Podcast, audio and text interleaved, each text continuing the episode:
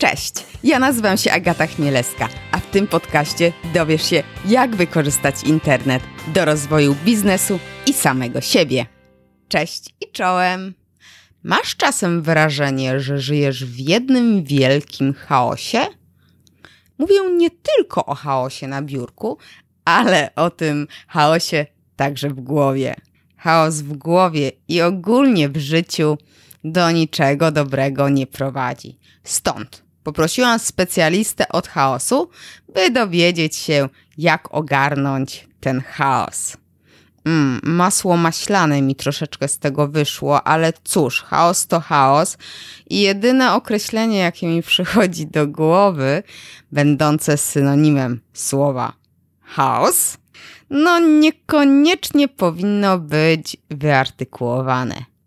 Ale wracając do tematu odcinka, zapraszam Cię serdecznie do wysłuchania mojej rozmowy z Marcinem Kwiecińskim, autorem projektu Ogarnij Chaos. Marcin pomaga ludziom, zgadnij, ogarnąć chaos w głowie i w życiu, a także wyjść z przepracowania, e, które jest często skutkiem tego chaosu. Z Marcinem poruszamy temat nie tylko chaosu, ale także produktywności, wartości i mówimy troszeczkę o wypaleniu zawodowym. E, także o fajnych aplikacjach e, rozmawiamy i wartych obserwowania osobach oraz bloga. A jeszcze przed wysłuchaniem rozmowy zachęcam Cię do subskrybowania podcastu Firma Online, bo wierzę, że kolejne odcinki Ci się spodobają i szkoda byłoby, gdybyś je przegapił.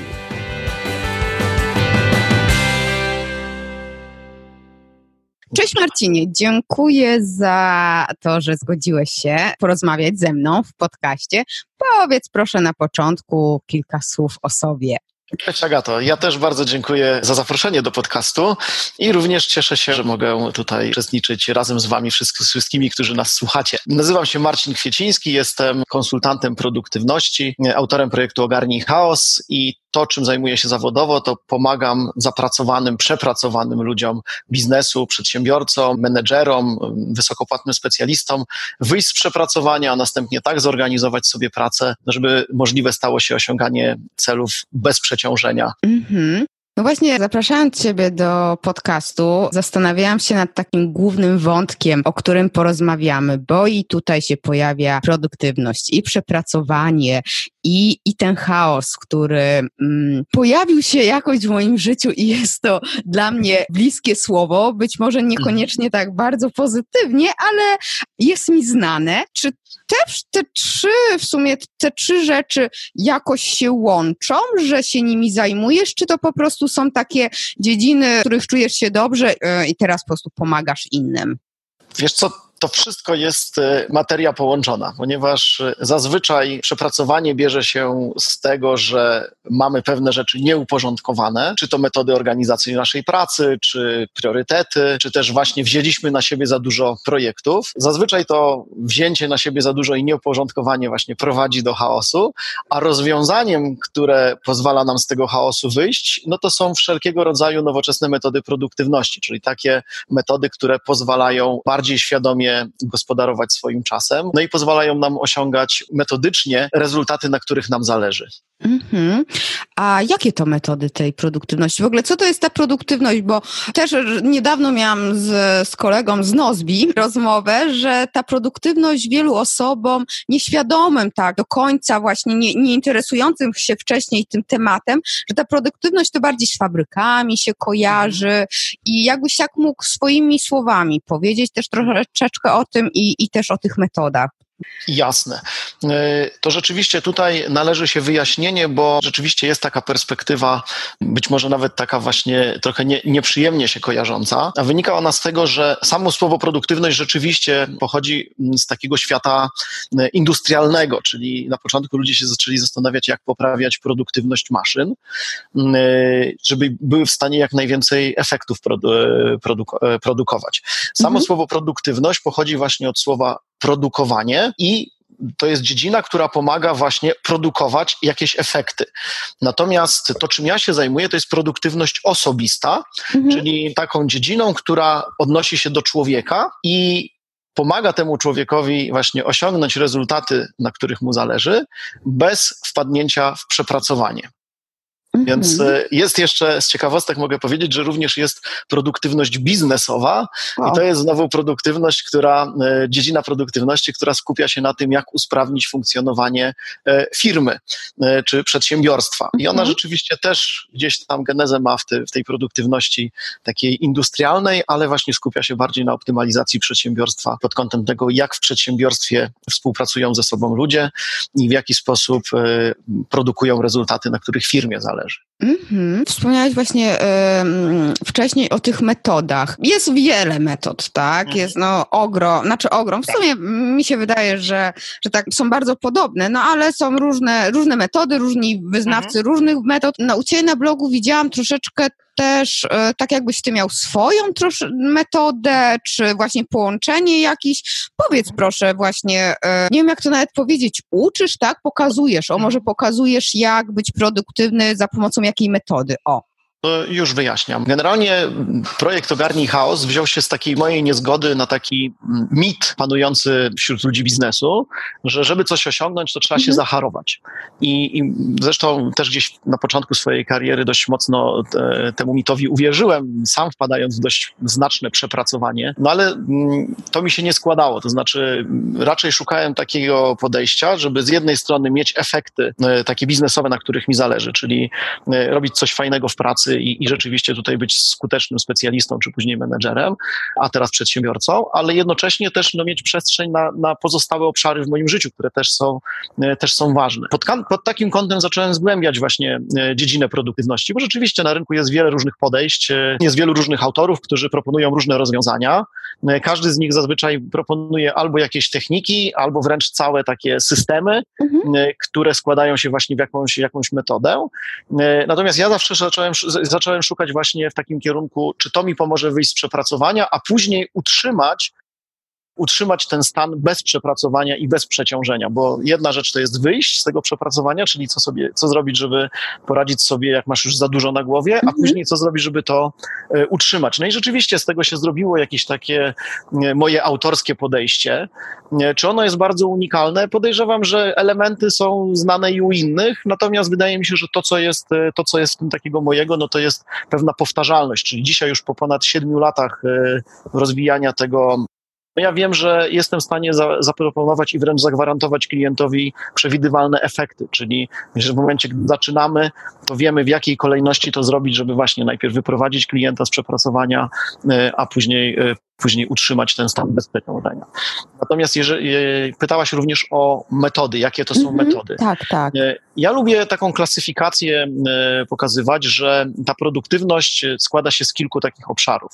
Czyli z jednej strony musimy się wyposażyć w pewne umiejętności, Czyli takie bardzo konkretne e, kwestie związane z tym, w jaki sposób na przykład e, zaplanować swoją pracę, e, albo w jaki sposób odmówić komuś wzięcia na siebie nowego zadania, w jaki sposób też na przykład komunikować się z innymi. E, też tego, e, no właśnie, jak sobie organizujesz swój, swoją karierę, swój dział, czy to, czym, zarząd, czy to, czym zarządzasz.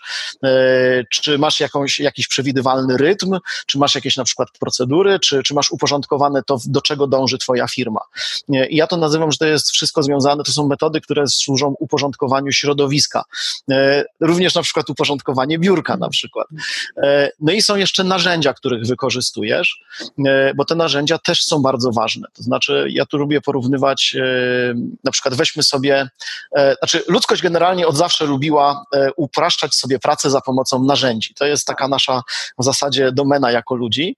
No i tak samo w produktywności jest szereg różnych narzędzi, często informatycznych, które pozwalają nam tutaj sprawniej organizować sobie pracę i lepiej gospodarować czasem. Takim naj, najpowszechniejszym w tak. zasadzie dzisiaj narzędziem to jest kalendarz. I też okazuje się, że wielu, wiele osób po pierwsze nie wie, że można używać kalendarza, co jest ciekawe, a nawet jak wie, że można mieć kalendarz, to nie wie, jakie są zasady używania kalendarza. Więc też warto się wyposażyć w narzędzia właściwe, które mi pomogą i nauczyć się ich używać.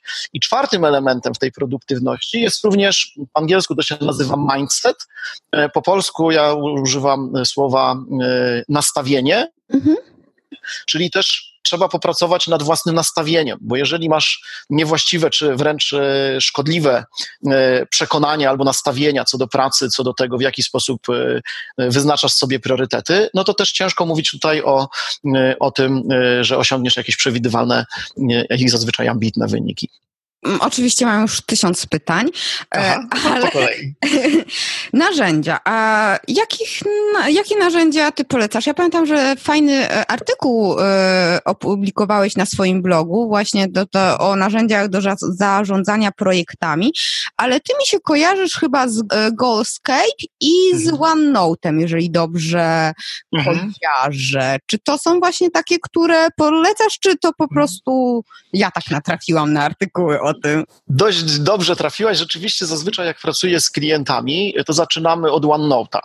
Y, to jest część pakietu Microsoft Office, zresztą też OneNote jest przynajmniej jeszcze na razie y, dostępny bezpłatnie y, do pobrania ze strony Microsoftu.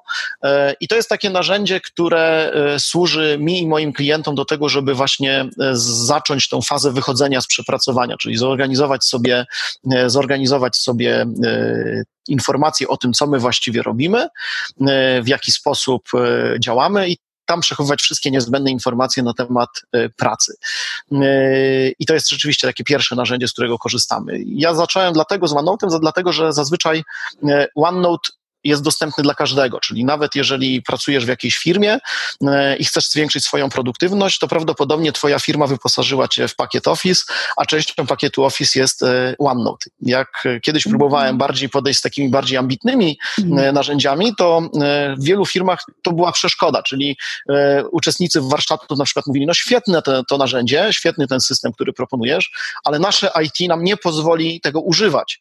I teraz, żeby nie musieć czekać na przykład pół roku na uzyskanie uzyskanie zgód i na przykład zakup tego narzędzia, e, no to dlatego zaczęliśmy korzystać z OneNote'a, stąd właśnie ten OneNote w tym takim narzędziowniku podstawowym. E, druga, drugie oprogramowanie, Goalscape, to jest rzeczywiście metoda, którą e, no, w jakiś sposób starałem się przeszczepić na, na, na grunt polski. Mhm. E, moja firma również tutaj e, świadczy support i, i, i tłumaczenie dla, dla Goalscape'a, e, ponieważ Goalscape to jest taka metoda wizualnego zarządzania priorytetami i została wymyślona przez sportowców. Znaczy sportowcy to są też takie, takie osoby, które muszą wiedzieć, w którym kierunku dążą, bo na przykład muszą się przygotować do olimpiady. To jest taki czteroletni duży projekt E, i mm, taki zespół sportowców, żeglarzy, opracował bardzo fajną, prostą metodę wizualizowania na bazie koła i podziału koła tego, co jest teraz priorytetem, czego musimy się nauczyć, e, gdzie jesteśmy w tej naszej drodze do celu. E, no i okazało się, że w biznesie też ta metoda ma bardzo fajne zastosowania. Często używam tej metody też, po pierwsze, żeby pokazać ludziom, do czego dążą i jak się ich praca przekłada na ich cele, ale również, żeby ustalić priorytety, czyli na przykład y, rozstrzygnąć, co jest ważniejsze, czy jeden obszar, czy drugi, czy trzeci, ponieważ tam w zasadzie bardzo intuicyjnie na bazie takiego tak zwanego pęcenia kołem, czyli e, bierzemy myszkę i po prostu sobie e, przekręcamy to koło mm. i wtedy ustalamy, jak coś jest ważne. I dla wielu osób to jest bardzo takie wizualne, takie namacalne, wreszcie e, często ludzie mówią, no wreszcie jestem w stanie jakoś powiedzieć i pokazać ludziom, co jest ważniejsze, a co jest mniej ważne. Mhm, ale to jest e, narzędzie, bo mi e, Goalscape się kojarzy z narzędziem do takich e, celów długoterminowych. To też można takie sobie, załóżmy, cele miesięczne ustawiać na tym, czy... To, co robisz, wpływa mhm. na twoje cele, czyli zazwyczaj w Goalscape, okay. w centrum Goalscape'a ustalamy aspiracje, następnie Aha. na pierwszym poziomie ustalamy właśnie te cele długoterminowe, a następnie na, na drugim poziomie ustalamy, nie wiem, czy to nie będzie zbyt zbyt, zbyt techniczne dla naszych słuchaczy, ale właśnie na drugim poziomie ustalamy to, co robisz, czyli to, co wpływasz, wpływa na twój cel. I wtedy mhm. widzimy jakby cały obrazek. I to jest dla wielu osób, szczególnie w korporacjach, istotne, ponieważ bardzo wiele, często ludzie z jednej strony dostają cele, których nie do końca rozumieją i bardzo rzadko rozumieją, jak ich taka codzienna praca wpływa na to, że firma realizuje swoje cele. I w ten sposób właśnie możemy pokazać w taki prosty, przejrzysty sposób e, właśnie na bazie tej mapy goalscape'owej. Mhm. No ja, ja próbowałam tego narzędzia, nie odnalazłam się w nim, ale też przyznam, że jakoś dużo czasu mu nie poświęciłam, e, więc tam na, gdzieś tam na, na liście e, to do jest przetestować, tak, bo ja jestem fanką w ogóle aplikacji testowania i poszukiwania e, mhm. swojej idealnej, której jak wiadomo nie znajdę, chyba że sama sobie ją stworzę. Powiedz mi jeszcze, bo też wspomniałeś o nastawieniu. E, tak. nastawienie, no... E, ja często się też e, ostatnio spotykam z takim um, negatywnym podejściem właśnie do produktywności, bo wiele mhm. osób, z którymi rozmawiałam o tym, mają mm, przeświadczenie takie, że tak jak Brian Tracy, tak, że mhm. produktywność to dużo robić, wstawać o piątej, pracować, pracować, pracować i nie mówi się tam o odpoczynku i o takich rzeczach. Mm, mhm. Powiedz coś więcej właśnie o tym nastawieniu, jakie mhm. powinno się mieć i w ogóle jak, jak z Twojego punktu widzenia to, to yy, wygląda? E, za chwilkę odpowiem na to pytanie. Wydaje mi się, że chciałem tylko uzupełnić jeszcze, wracając do tych narzędzi, bo, bo tak? tu jedna rzecz jest, myślę, dosyć istotna. E, Goalscape też nie jest dla każdego, mhm. ponieważ są osoby, które nie lubią takiej wizualizacji, bo na przykład mają preferencję, e, że, że chcą widzieć na przykład swoje zadania w formie listy albo w formie e, tablicy Kanban i dla nich to takie właśnie podejście na kole jest zbyt abstrakcyjne. Po prostu patrzą i mówią, ja na tej mapie nic nie widzę. E, I wtedy dla takich ludzi raczej proponuje się systemy zarządzania zadaniami, takie bardziej oparte o listy i ono, i tam wtedy ci ludzie właśnie też uzyskują tę samą informację, czyli jak moja praca wpływa na moje cele i co ja mam do zrobienia, ale w taki bardziej e, strukturalny sposób. Więc tutaj też zawsze trzeba e, rozpoznać, jaki ma, jaką mam tą preferencję co do systemu. Czy raczej wolę takie abstrakcyjne, wizualne rzeczy, czy bardziej e, właśnie takie strukturalne, czasem wręcz tabelaryczne podejście do organizacji swojej pracy. I to jest rzeczywiście, e, bo to doświadczenie, o którym powiedziałaś, e, rzeczywiście jest, jest powtarzalne. Natomiast jeżeli mówimy o, o tym nastawieniu, wiesz co, ja nie wiem, jakie powinno się mieć nastawienie i raczej nie jestem osobą, która, która raczej mówi klientom, jakie powinna mieć nastawienie. Zazwyczaj jak z klientem rozmawiam, to y, ja sprawdzam, dlaczego chcę wyjść z przepracowania. I y, ja często y, gdzieś tam na wstępnych etapach mówię, że dla mnie produktywność to jest dziedzina, która pomaga ci mieć życie, którego pragniesz. E, I teraz zazwyczaj ludzie dochodzą do, do takiego etapu, że mówią na przykład, moja praca zajęła mi e, w moim życiu zbyt dużo miejsca. E, niby lubię swoją pracę, albo widzę, że osiągam swoje cele, właśnie, ale za dużo pracuję, albo wręcz nie mam czasu na odpoczynek. I rzeczywiście wtedy takie podejście, że wiesz, to produktywność jest rozwiązaniem, to jest nie, nieintuicyjne. Mhm. E, natomiast rzeczywiście produktywność jest rozwiązaniem, bo wykorzystujesz te metody po to, żeby tak sobie ułożyć pracę, żeby się nie narobić, a wręcz znacznie zmniejszyć ilość pracy, właśnie po to, żeby mieć to życie, którego pragniesz, czyli mieć również zaopiekowane te obszary, inne obszary Twojego życia.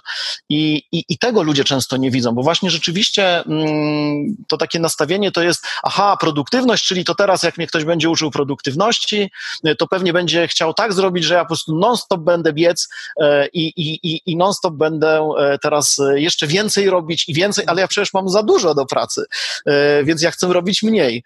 Więc produktywność to jest raczej jak wybrać to, co jest najważniejsze, jak odrzucić e, to, co jest zbędne e, i również jak zaopiekować inne obszary Twojego życia niż tylko, niż tylko praca. I na przykład ten odpoczynek jest również bardzo ważny, bo każdy profesjonalista, kto profesjonalnie i świadomie podchodzi do e, gospodarowania swoim czasem, również w ramach pewnej organizacji swojej pracy właśnie przede wszystkim zacznie od tego pytania, kiedy odpocznę. Jak, mhm. w, w jakich, e, jak sobie ułożę dzień w taki sposób, żeby mieć zagwarantowany wręcz odpoczynek, żeby mieć zagwarantowane, że ja zjem posiłki o stałej porze, e, bo wiem, że jeżeli wiem, jem odpowiednio, jeżeli nawadniam się odpowiednio, jeżeli od, odpoczywam odpowiednio, to wtedy moja efektywność, czyli taka wydajność rośnie, czyli jestem w stanie osiągnąć więcej.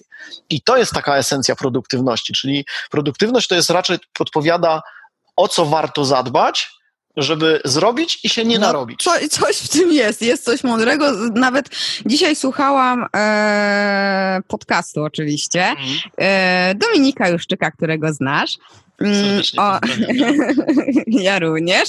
Pozdrawiamy Dominika. O tym, żeby planować wręcz czas na odpoczynek. Akurat opowiadał o książce Deep Work e, i mhm. też się z taką, takim podejściem e, spotkałam, żeby faktycznie planować czas na odpoczynek i ja to też polecam, bo jak miałam taki mm, okres swojego życia, że faktycznie dużo pracowałam, to to y, pomaga, pomaga bardzo.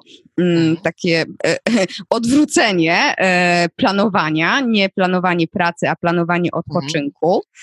A mm, Powiedz mi proszę jeszcze, bo teraz właśnie mi się e, tak nasunęło, a jak sprawdzić, czy ja jestem pra- produktywna? To, to można jakoś sprawdzić? Może zaproponuję i tobie, i słuchaczom taką bardzo E, intuicyjną metodę, bo oczywiście można sobie robić jakieś tam tak zwane assessmenty tak. i, i, testy i zazwyczaj autorzy różnych metod mają jakieś tam swoje, y, swoje testy, które właśnie pokazują, które obszary, które obszary e, wymagają zaadresowania. Natomiast ja lubię zawsze wychodzić od, od definicji. I taka definicja, którą ja pokazuję e, klientom, to jest produktywność osobista, to jest umiejętność produkowania rezultatów, na których ci zależy, bez popadania w przepracowanie. I teraz w tej definicji są dwie ważne rzeczy. Po pierwsze, czy osiągasz rezultaty, na których ci zależy? I druga, czy osiągasz je w taki sposób, że wszystkie ważne dla ciebie obszary są zaadresowane w twoim życiu i nie jesteś przepracowana. To może, e, e, wiesz, wtedy no, nie będę osiągała, no nie? I będę zawsze nieproduktywna dla siebie pracować nad produktywnością, to właśnie eliminujemy oszukiwanie siebie. Mhm. I metody produktywności, jeżeli na przykład zaczynasz prowadzić coś, co ja nazywam rejestr aktywnych przedsięwzięć. To mhm. opisywałem to kiedyś na blogu, możemy też podlinkować. Tak, podlinkujemy żeby, na pewno. Żeby słuchacze po prostu mogli zobaczyć, o czym mówię. To jest prosta tabelka, gdzie zaczynasz po prostu śledzić wszystkie swoje zobowiązania, takie, e, czyli otwarte tematy, nad którymi pracujesz. I teraz, jeżeli właśnie e, zaczniesz prowadzić taki rejestr, to jest jedna z metod, e, to zobaczysz, ile rzeczy chcesz osiągnąć. I rzeczywiście e, bardzo wiele przepracowanych osób mówi: Aha, to ja już teraz wiem, dlaczego jestem przepracowany, bo wziąłem albo wzięłam na siebie za dużo. I wtedy jesteśmy w stanie to w jakiś sposób zoptymalizować, albo usunąć, albo rozłożyć w czasie, e, albo uprościć e, zrealizowanie tych efektów. Ale wszystko zaczyna się od tego, że oglądamy sytuację taką, jaka ona jest. Taka pierwsza faza e, wychodzenia z przepracowania to jest rozeznaj sytuację, czyli zobacz, gdzie dzisiaj jesteś i jakie jest Twoje obciążenie pracą. O tak. W głowie mi się pojawiła taka myśl z, z tym, co powiedziałeś o przepracowaniu. Tak. Aha. Okej, okay, wszyscy wiedzą, co, znają chyba to słowo, ale co to jest przepracowanie? Właśnie, co to jest przepracowanie? Czy to jest to samo, co wypalenie zawodowe? To jakoś można to zdefiniować i, i można, jakieś są objawy tego? E, bardzo fajne pytanie, bo rzeczywiście warto by najpierw sprawdzić, czy jestem przepracowana. E, I tu nie jest tak łatwo, e, w takim sensie, że zazwyczaj ludziom przepracowanie kojarzy się z tym, że spędzam za dużo pracy, za dużo czasu w biurze, czyli na przykład pracuję, nie wiem, przychodzę na ósmą do pracy i wychodzę o 22. No i wtedy nie ma wątpliwości, że ktoś jest przepracowany, bo w zasadzie normą efektywnej pracy umysłowej to jest praca w okolicach 8 godzin dziennie. I tutaj nawet w Polsce były robione badania, że jeżeli pracujesz więcej, umysłowo więcej niż 8, e, 8,5 godziny dziennie e, przez okres dłuższy niż 3 tygodnie, e, to to znacząco wpływa na jakość Twojej pracy. Czyli jak ktoś ma takie przekonanie, i tu znowu wchodzimy do nastawień i, i przekonań, mhm. jeżeli ktoś ma przekonanie, że to teraz się sprę, sprężę i będę pracować po 12 godzin dziennie, żeby na przykład rozwinąć swój biznes szybciej, to my z badań już wiemy, że dłuż, w dłuższym okresie czasu osiągniesz mniej, bo twój mhm. mózg po prostu będzie generował gorsze rezultaty. Ale nie zawsze jest tak prosto, bo na przykład menedżerowie bardzo często wychodzą z pracy po tych ośmiu godzinach, ale co z tego, jeżeli cały czas głową, myślami są w pracy, czyli wracają do domu i cały czas myślą o pracy, kiedy spędzają czas ze swoimi dziećmi i cały czas głową są myślami w pracy, są z przyjaciółmi gdzieś na, na jakimś wyjściu i cały czas myślą o pracy, w weekendy nadganiają. I to jest na przykład też taka kwestia, czyli że ja non-stop myślę. I to też jest wskaźnik, że prawdopodobnie jestem przepracowany. No później zaczynają się już różne objawy psychosomatyczne, spadki energii, niekontrolowane wybuchy emocjonalne, czyli rozdrażnienie emocjonalne, ludzie często to określają, że przepracowanie, znaczy zaczynają dostrzegać przepracowanie, kiedy zaczyna im świtać myśl, myśl w głowie, że moja praca zajęła mi za dużo miejsca w moim życiu. Czyli zaczynają widzieć, że coś tracą przez to, że tak intensywnie i tak dużo myślą i spędzają czasu w pracy. Mhm. E, natomiast wracając do tego wypalenia zawodowego, to to już jest taki obszar, którym ja się akurat nie zajmuję i tu też jest dyskusja, czy wypalenie zawodowe, wśród, wśród profesjonalistów jest dyskusja, czy wypalenie zawodowe w ogóle istnieje, czy to jest jakby zbiór innych e, przypadłości psychologiczno-psychiatrycznych.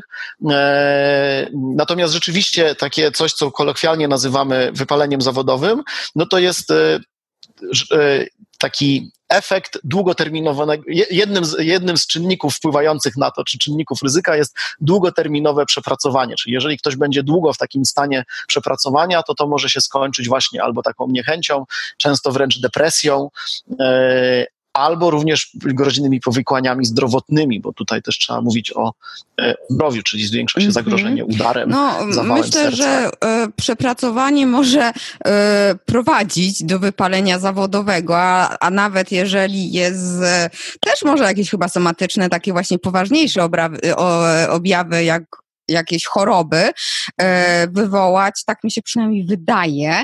Mhm. I też tak jak powiedziałeś, że myślami w pracy, to bardzo dobrze to znam, e, że, że jest po pracy, wracasz, jesteś myślami w pracy, co jeszcze trzeba zrobić, albo w weekend jesteś gdzieś na spacerze i myślisz, co musisz zrobić. Mm, więc to bardzo, bardzo dobrze znam. I wiesz, jak u mnie się to objawiało, kiedy faktycznie byłam przepracowana, zmieniałam pracę po prostu. Aha, no jest to jakaś ze strategii. Tak, że, tak, tak. Ja, ja sobie wiesz, po, po latach uświadomiłam. Oczywiście z jednej strony to było tak, że mm, czułam, że już więcej nie jestem w stanie zrobić w tej pracy, ale z drugiej strony yy, teraz wiem, że po prostu pracowałam też za dużo i, i uciekałam, no nie? To była taka ucieczka zamiast praca nad sobą i, i jakoś no, ułożenie tego dnia, żeby faktycznie y, mieć czas na odpoczynek, to, to po prostu zmieniałam mhm. pracę, nie? też, też, też jakiś, jakiś sposób, tak? Chwilowy. Jest, jest, jest to jakiś sposób, prawdopodobnie sposób radzenia sobie. Tak. Ja myślę, że y, takie dwa sposoby, które warto na początku, w zasadzie trzy, które mi przychodzą do głowy, które jeżeli ktoś u siebie zaobserwuje takie symptomy, e, to pierwszym sposobem jest e, taka naczelna zasada, że informacji na temat tego, co mamy do zrobienia, czyli na temat zadań i naszych zobowiązań, nie trzymamy w głowie. Okazuje się, że jeżeli e, trzymasz swoje zobowiązania w głowie i wszystko, co masz do zrobienia, próbujesz pamiętać, to to jest bardzo mocno wpływające na to właśnie myślenie o tym, co jest do zrobienia. Tę obserwację zawdzięczamy Davidowi Allenowi, twórcy mm -hmm. metodyki Getting Things Done, gdzie on no, tam w okolicach 1990 roku, jak opublikował tę książkę, spopularyzował to podejście, że e, właśnie no, ludzie, którzy nie trzymają w głowie, są dużo bardziej efektywni, e, a ci, którzy trzymają w głowie, są mniej efektywni. I co ciekawe, później neuronauka wzięła to na warsztat taki badawczy i okazało się, że w badaniach takich już czysto naukowych rzeczywiście jest ta zależność widoczna, że ludzie, którzy trzymają w głowie, e, po prostu i podejmują gorsze decyzje i, i, i zapominają i tracą kontrolę nad tym, co się dzieje e, i tak dalej. To jest jakby pierwsza rzecz, którą warto zrobić. Między innymi ten e, rejestr służy temu, o którym wspomniałem, żeby nie trzymać właśnie naszych zobowiązań w głowie. Drugą rzeczą, którą można w takiej sytuacji zrobić, to jest wprowadzić rytm tygodniowy, czyli żeby e, planować sobie tygodniowo, czyli raz w tygodniu znaleźć, znaleźć czas na to, żeby zaplanować sobie swoje najważniejsze priorytety na nadchodzący tydzień.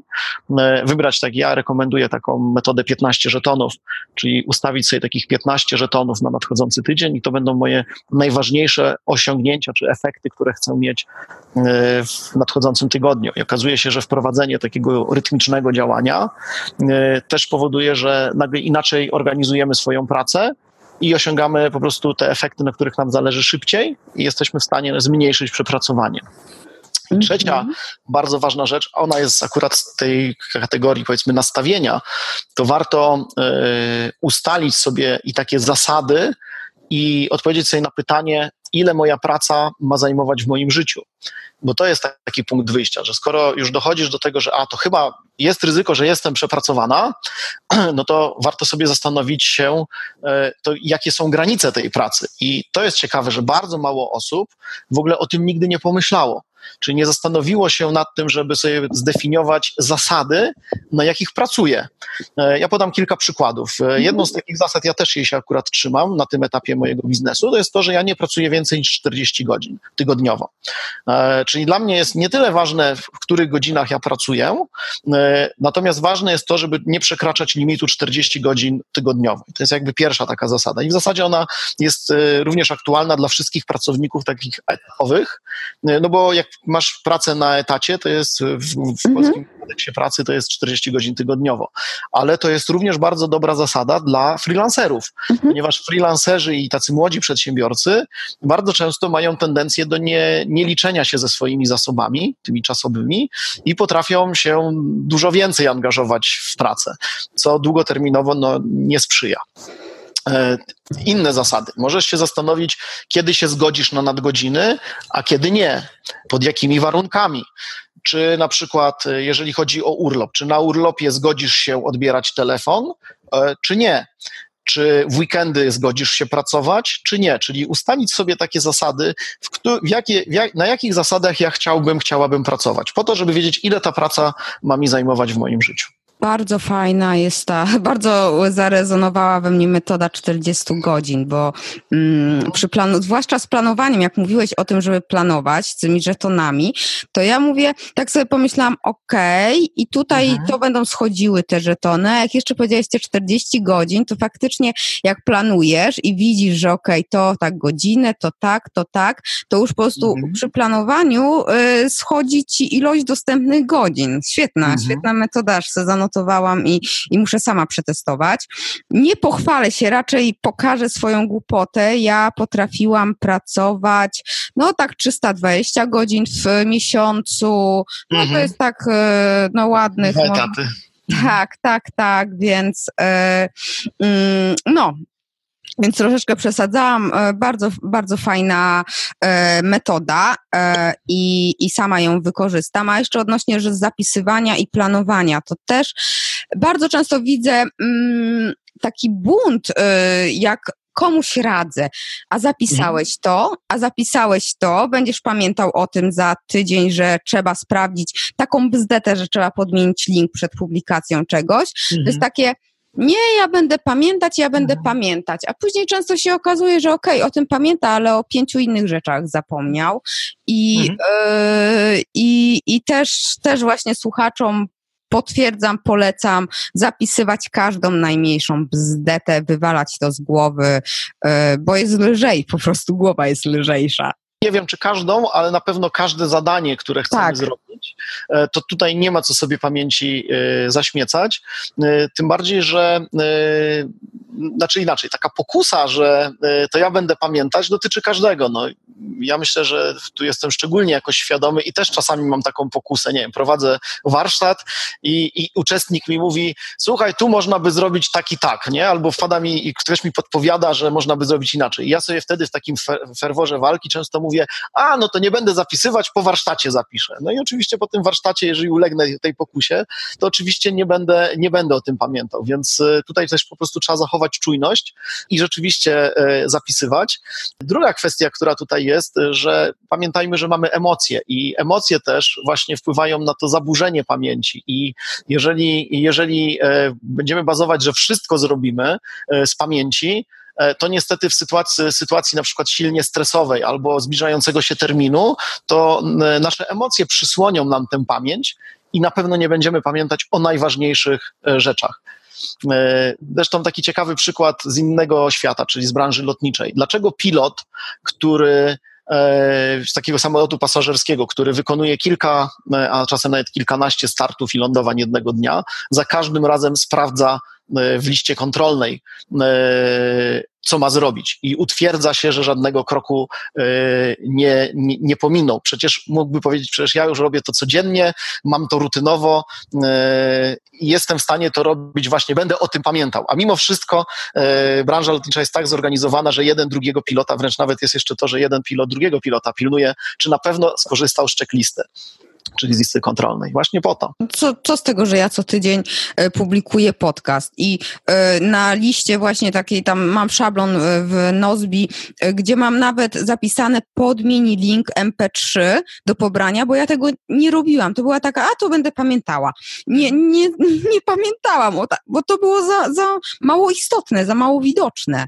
Tak jest. A, a później, no, jak ktoś faktycznie, bo są osoby, które pobierają i sobie słuchają na telefonie czy na komputerze e, plik, to, to po prostu no, nie, pobierały cały czas ten sam odcinek. Więc tak. e, to, to faktycznie jest prawda z tym.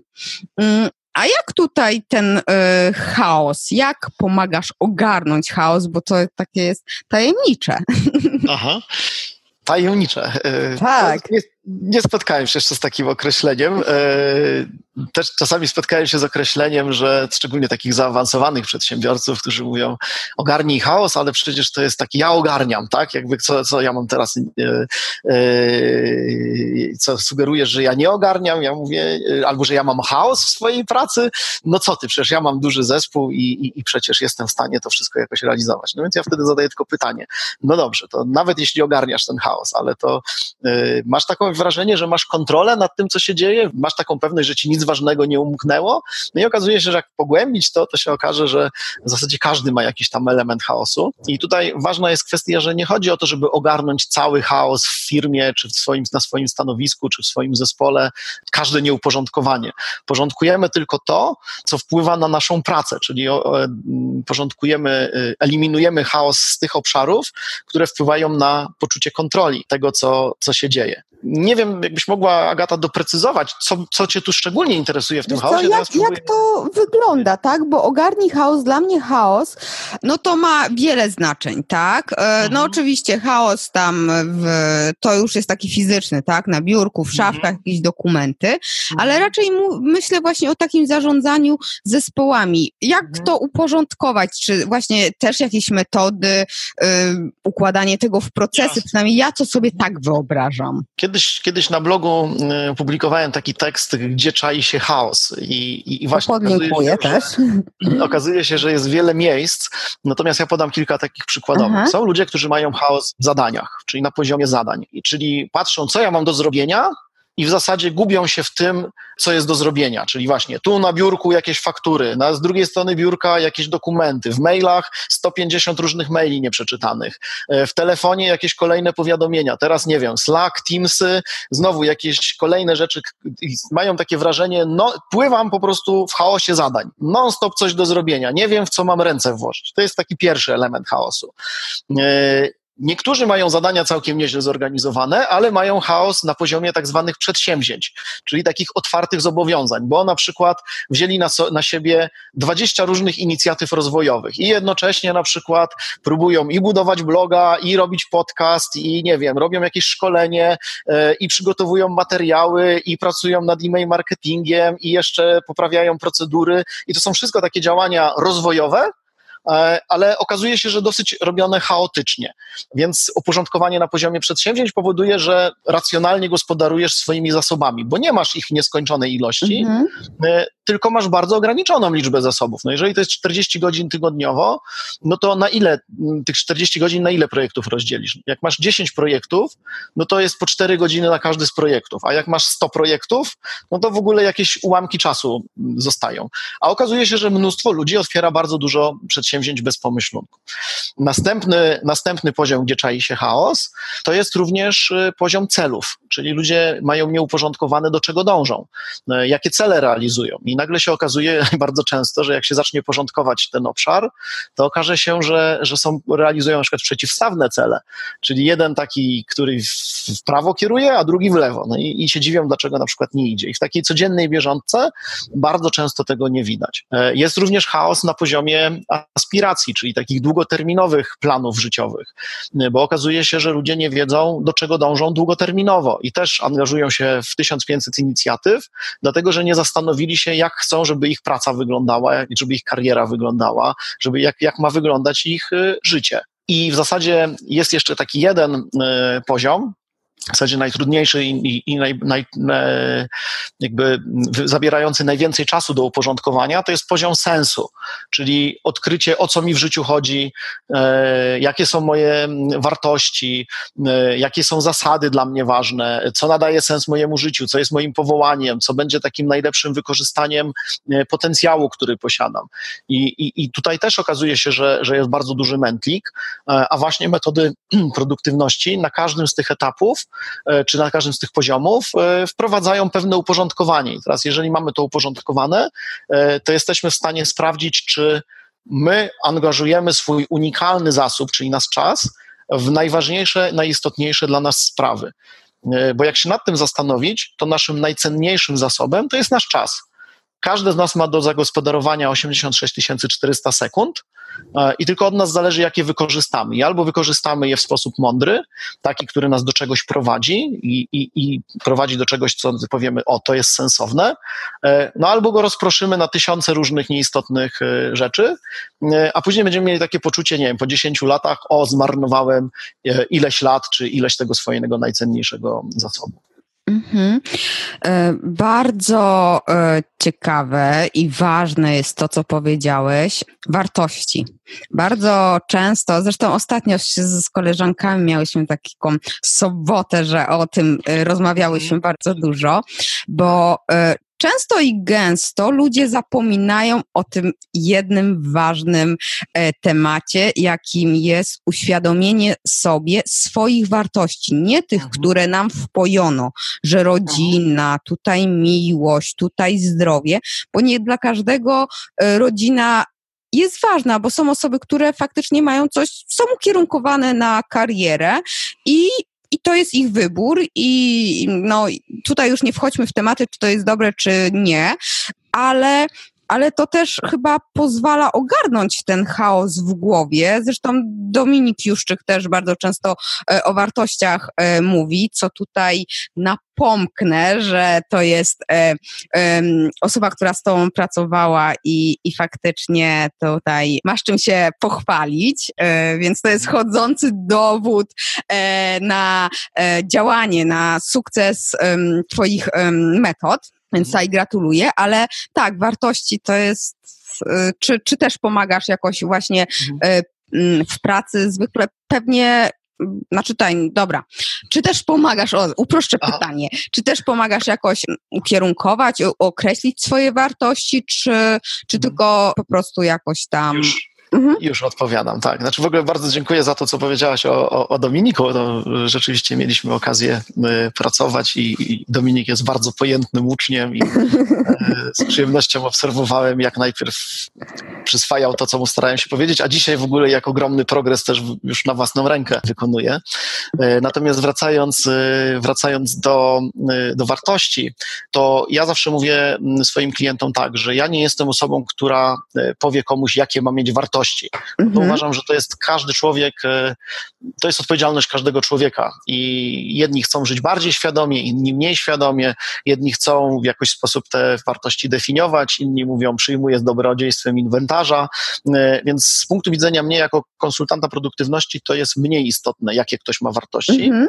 Znaczy, oczywiście mam też taką zasadę, o właśnie, i to jest moja, moje na przykład system wartości, że nie pracuję e, z ludźmi, gdzie był, miałbym konflikt wartości wartości, tak? Czyli jeżeli na etapie diagnozy by się okazało, że mamy jakieś takie wartości yy, w konflikcie, no to prawdopodobnie nie będę w stanie tej osobie pomóc, tak? Jakby i, e, i, i dostarczyć jakby kompet swoich kompetencji do wsparcia takiej osoby. Natomiast, natomiast dla mnie ważne jest to, żeby klient sobie odpowiedział, jakie te wartości są, a nawet nie tylko odpowiedział, ale również spisał. Mhm. Teraz może się okazać, że jeżeli, znaczy nawet nie może się okazać, okazuje się, że jeżeli masz je, te wartości tylko w głowie i czasami nawet czasami tak pomyślisz, nie, a no ja, ja znam swój system wartości, no przecież dla mnie oczywiste jest, co jest dla mnie w życiu ważne, ale nie masz tego spisane, to okazuje się, że w sytuacjach stresowych bardzo często jesteś w stanie to zarzucić, bo e, właśnie znowu emocje to przykryją. A teraz ludzie, którzy spisują swoje wartości, e, w jakiś sposób je doprecyzowują, odkrywają też bardzo często, bo my wraz z, z wzrostem e, doświadczenia też odkrywamy pewne subtelności w tych wartościach. Czyli to nie jest tak, że odkryjesz wartości raz na całe życie, tylko wraz z biegiem lat po prostu zauważasz, że też te wartości się albo zmieniają, albo doprecyzowują. I więc ważne jest to, żeby, z mojej perspektywy, żeby klient miał to spisane. I właśnie, i jak już ma to spisane, no to mówię, ok, to czy bazujesz na tych wartościach, czy jednak chcesz na przykład coś tutaj zmodyfikować? I, i to jest do ten moment, do którego dochodzimy. Teraz, jeżeli klient na przykład ma trudność z odkryciem wartości, ja zazwyczaj po, posiłkuję się zaprzyjaźnionymi e, osobami, które zajmują się na przykład coachingiem, bo ja coachem nie jestem, mhm. e, a coaching posiada techniki, które pozwalają szybciej wydobyć e, te wartości i odkryć, co jest dla mnie naprawdę ważne. Więc z mojej perspektywy tego ogarniania chaosu ważne jest to, żeby to spisać i też nadać temu hierarchię, e, czyli żeby sobie odpowiedzieć, która wartość jest ważniejsza, e, a która mniej ważna. Natomiast niekoniecznie pomagam już w takim fizycznym odkrywaniu, e, bo tu to już mówię, to jest proces coachingowy i zazwyczaj wtedy mm, ktoś inny w tym pomaga, a później klient do mnie wraca i mówi, to już teraz już wiem i mhm. pracujemy dalej. Polecam też właśnie spisać sobie wartości, bo to dzięki temu też można zweryfikować je i po mhm. jakimś czasie też właśnie wrócić. Zresztą kilka dni temu na LinkedInie była taka zagorzała dyskusja. E, jeden pan twierdził, że to bez sensu gadać o wartościach i jeszcze o mhm. spisywaniu ich i bardzo, bardzo bronił swojego zdania. Przeciwko naszemu tam były trzy dziewczyny, które twierdziły, że warto spisywać, więc ja już mam teraz argument. To jest tak, że rzeczywiście są ludzie, którzy mówią, nie widzę, nie widzę wartości w znaniu swoich wartości, w poznaniu swoich wartości, bo wolą żyć po prostu tak troszeczkę mniej świadomie, tak? I to jest mhm. ich, ich, wybór i trzeba to też pewnie uszanować. Tak. Ja czasami opowiadam o takim przykładzie bardzo biznesowym, bo warto sobie uświadomić jedną kwestię, że nasz system wartości, niezależnie czy masz go uświadomiony, czy nie, bardzo mocno wpływa na decyzje, które podejmujesz, również te biznesowe. E, I teraz, e, jeżeli na przykład dla kogoś pracujesz albo z kimś pracujesz i znasz swoje wartości, e, to jesteś w stanie ocenić, czy w ogóle z tym kimś warto współpracować, albo czy na przykład nie, nie warto zakończyć współpracy. E, jest takie powiedzenie, że ludzie przychodzą do firmy, a odchodzą od szefa, tak. i, w którym jest bardzo wiele prawdy. I to co to znaczy? Że ten szef jest niemiły, że ten szef jest, nie wiem, mało przystojny, albo szefowa jest mało ładna? No nie, chodzi o to, że tak naprawdę mamy jakiś my system wartości, ten szef ma system wartości i on jest w konflikcie.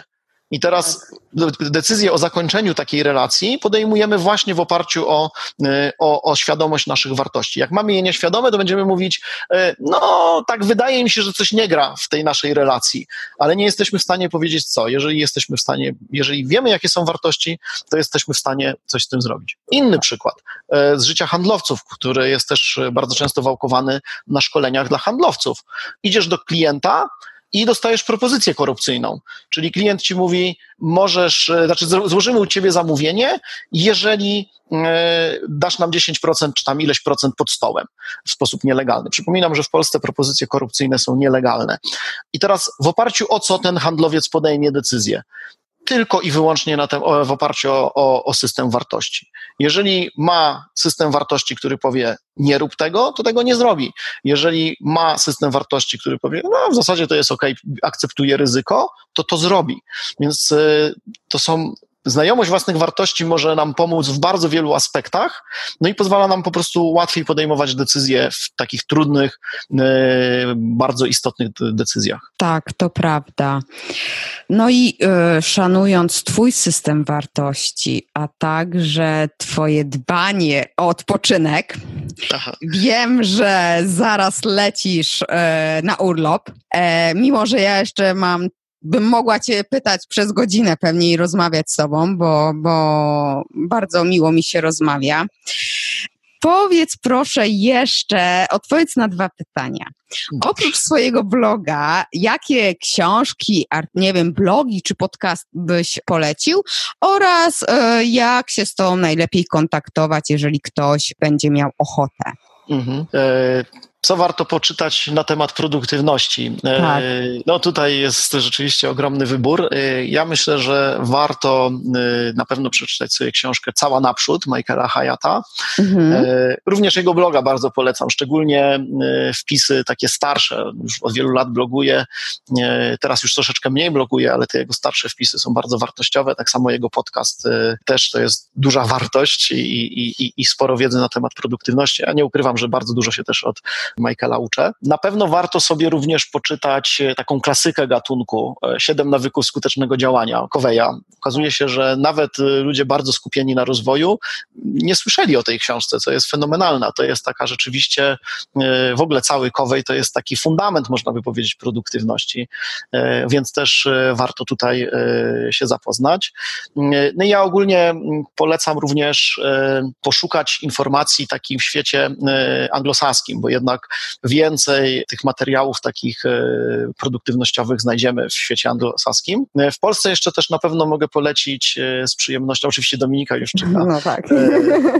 Dominik robi bardzo dobrą robotę. Tak, tak. Na pewno również Krzysztofa Skubisa, który bardzo ciekawie opisuje o, emo o, wpływie emocji na nasze działanie. Mariusza Kapustę na temat zarządzania projektami, czy Bernarda Frugę na temat prowadzenia biznesu. To są takie osoby, które, które jakoś obserwuję, staram się też jakoś być z nimi w kontakcie i, i, i też wymieniać się informacjami. E, no na pewno Michał Szafrański, którego też pozdrawiamy, no ale to, to tak. Michała pewnie już każdy e, poleca, więc to, to mało oryginalne, tak więc... E, Oj, do, dobre rzeczy zawsze warto polecić. Jasne. No to, to, to, to wydaje mi się tak na, na pierwszy rzut oka, to, czy, czy Dużo, myśl, dużo, dużo rzeczy poleciłeś, więc jest tak. w czym wybierać.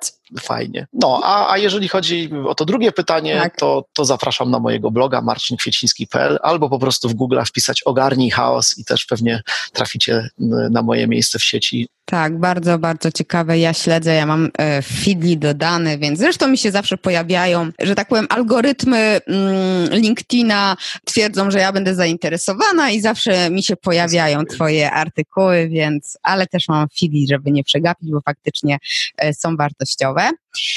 Mhm. Dobrze, to ja Ci ślicznie dziękuję za rozmowę. Mm, no i oczywiście wypoczynku, tak? Dziękuję bardzo, bardzo też dziękuję za zaproszenie. E, ogromna przyjemność e, i też wdzięczność taka, że za umożliwienie podzielenia się moją wiedzą i, i, i, doświadczeniem. Również też dla słuchaczy, którzy spędzili z nami ten czas. No i do zobaczenia, do usłyszenia gdzieś kiedyś. No to cześć! No to cześć.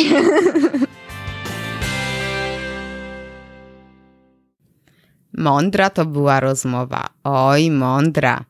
Dużo z niej dla siebie wyciągnęłam, yy, zwłaszcza, że mam tendencję do przesadzania z pracą i chyba trzeba to wprost nazwać wpadania w przepracowanie. Podziwiam Marcina za to, co robi i jak to robi. I wierzcie mi lub nie ale swoich zasad mocno pilnuje. Potwierdzone info. Tym bardziej jestem mu bardziej wdzięczna, yy, że jeszcze przed urlopem znalazł czas na rozmowę. Polecam Ci blog Marcina, bo wiele na nim wartościowych treści E, z których ja wzięłam też dużo dla siebie i myślę, że ty także znajdziesz coś tam, nawet nie coś tam, tylko dużo dla siebie. Do usłyszenia za tydzień i mimo, że zachęcałam do subskrybowania podcastu na początku, to tak tutaj tylko przypominam. Będę też wdzięczna za opinię w iTunes, bo mi Twoja opinia doda tak 100 punktów do fajności. No i będę przeszczęśliwa. Zmykam. Niech konwersja i moc będą z tobą.